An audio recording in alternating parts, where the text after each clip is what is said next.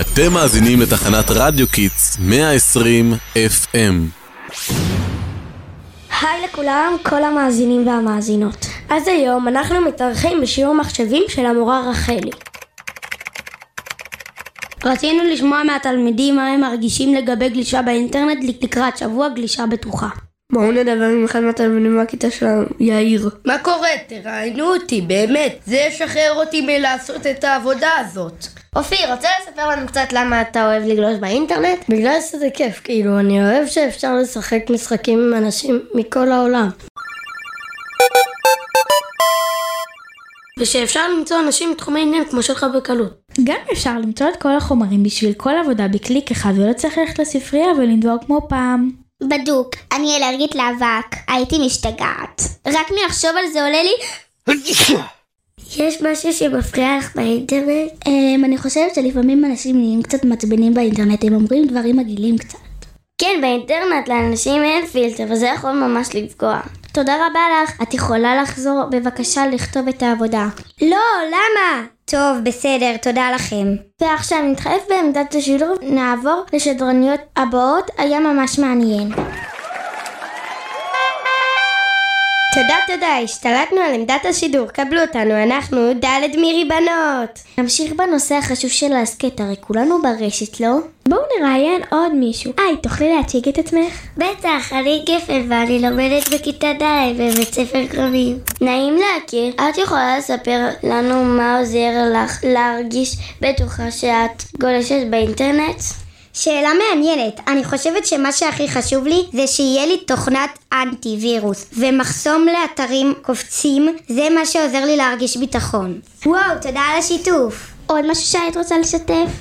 יש לי חברה שעברה מבית הספר בגלל בריונות שהיא חוותה מילדים בכיתה ברשתות. וואו, זה נשמע נורא, בית ספר לא עשה כלום. הרבה פעמים בית ספר עצמו לא מודע לזה. המורים עצמם לא תמיד נמצאים ברשתות וילדים לא רוצים לספר. אני חושבת שזה חשוב לייצר דרך שבה ההורים והמורים כן מודעים למה שקורה ברשתות האלה. זה יהיה ממש מבאס אם אתה תעקוב אחריי ומה שאני עושה באינטרנט. נכון, אבל יש היום תוכנות שאפשר לשים שמגלות לך רק אם משתמשים במילים מסוימות. אפשר לבקש מהם להודיע רק שיש מילים פוגעניות, ואז ההורים יוכלו להישאר מודעים לפגיעות שקורות ועדיין לאפשר לנו קצת פרטיות. לי זה חשוב שיש אופציה לבוא ולשוחח עם מורה או יועצת, בלי שכולם ידעו. מורים צריכים לדעת איך לגשת לזה ברגישות, ולא לספר מי שסיפר להם דברים. שמעתי שבכיתה הבאה, הנה אלינו שמגיעים לשידור יש הסכם. הסכם נגד בריונות, אתם מאמינות? נכון, נכון, תודה לכם, אנחנו כיתה ד' מבנות, ממשיכות בשידור. משהו אחד שעשינו בכיתה שלנו זה הסכם כיתתי נגד בריונות. פעם בשבוע אנחנו עושים שיעור חברה עם המחנכת שלנו ויכולים להעביר אחד לשני פתקים בצורה אנונימית.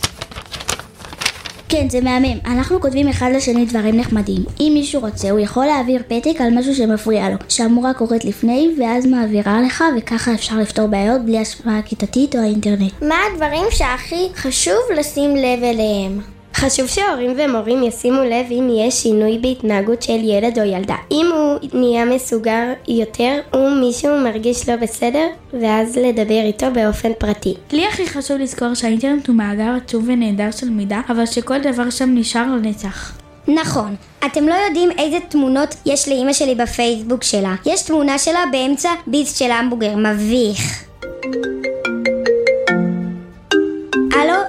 לא, לא, לא, אני לא מדברת עלייך. אז צריך להקפיד על דברים שמעלים לרשתות. אבא שלי מדי פעם מסתכל על דברים שאני מעלה, זה ממש מעצבן, אבל אולי זה עדיף. זה באמת מבאס, אבל נראה לי יותר מבאס לעבור בית ספר בגלל בריונות. לסיכום, אנחנו רוצות שיהיה לנו את החופש להשתמש באינטרנט ולנצל את כל הדברים הטובים שהוא מציע.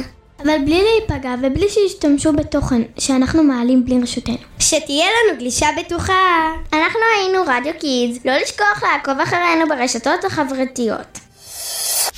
רדיו קיטס 120 FM, תחנת הרדיו הראשונה לילדים ונוער.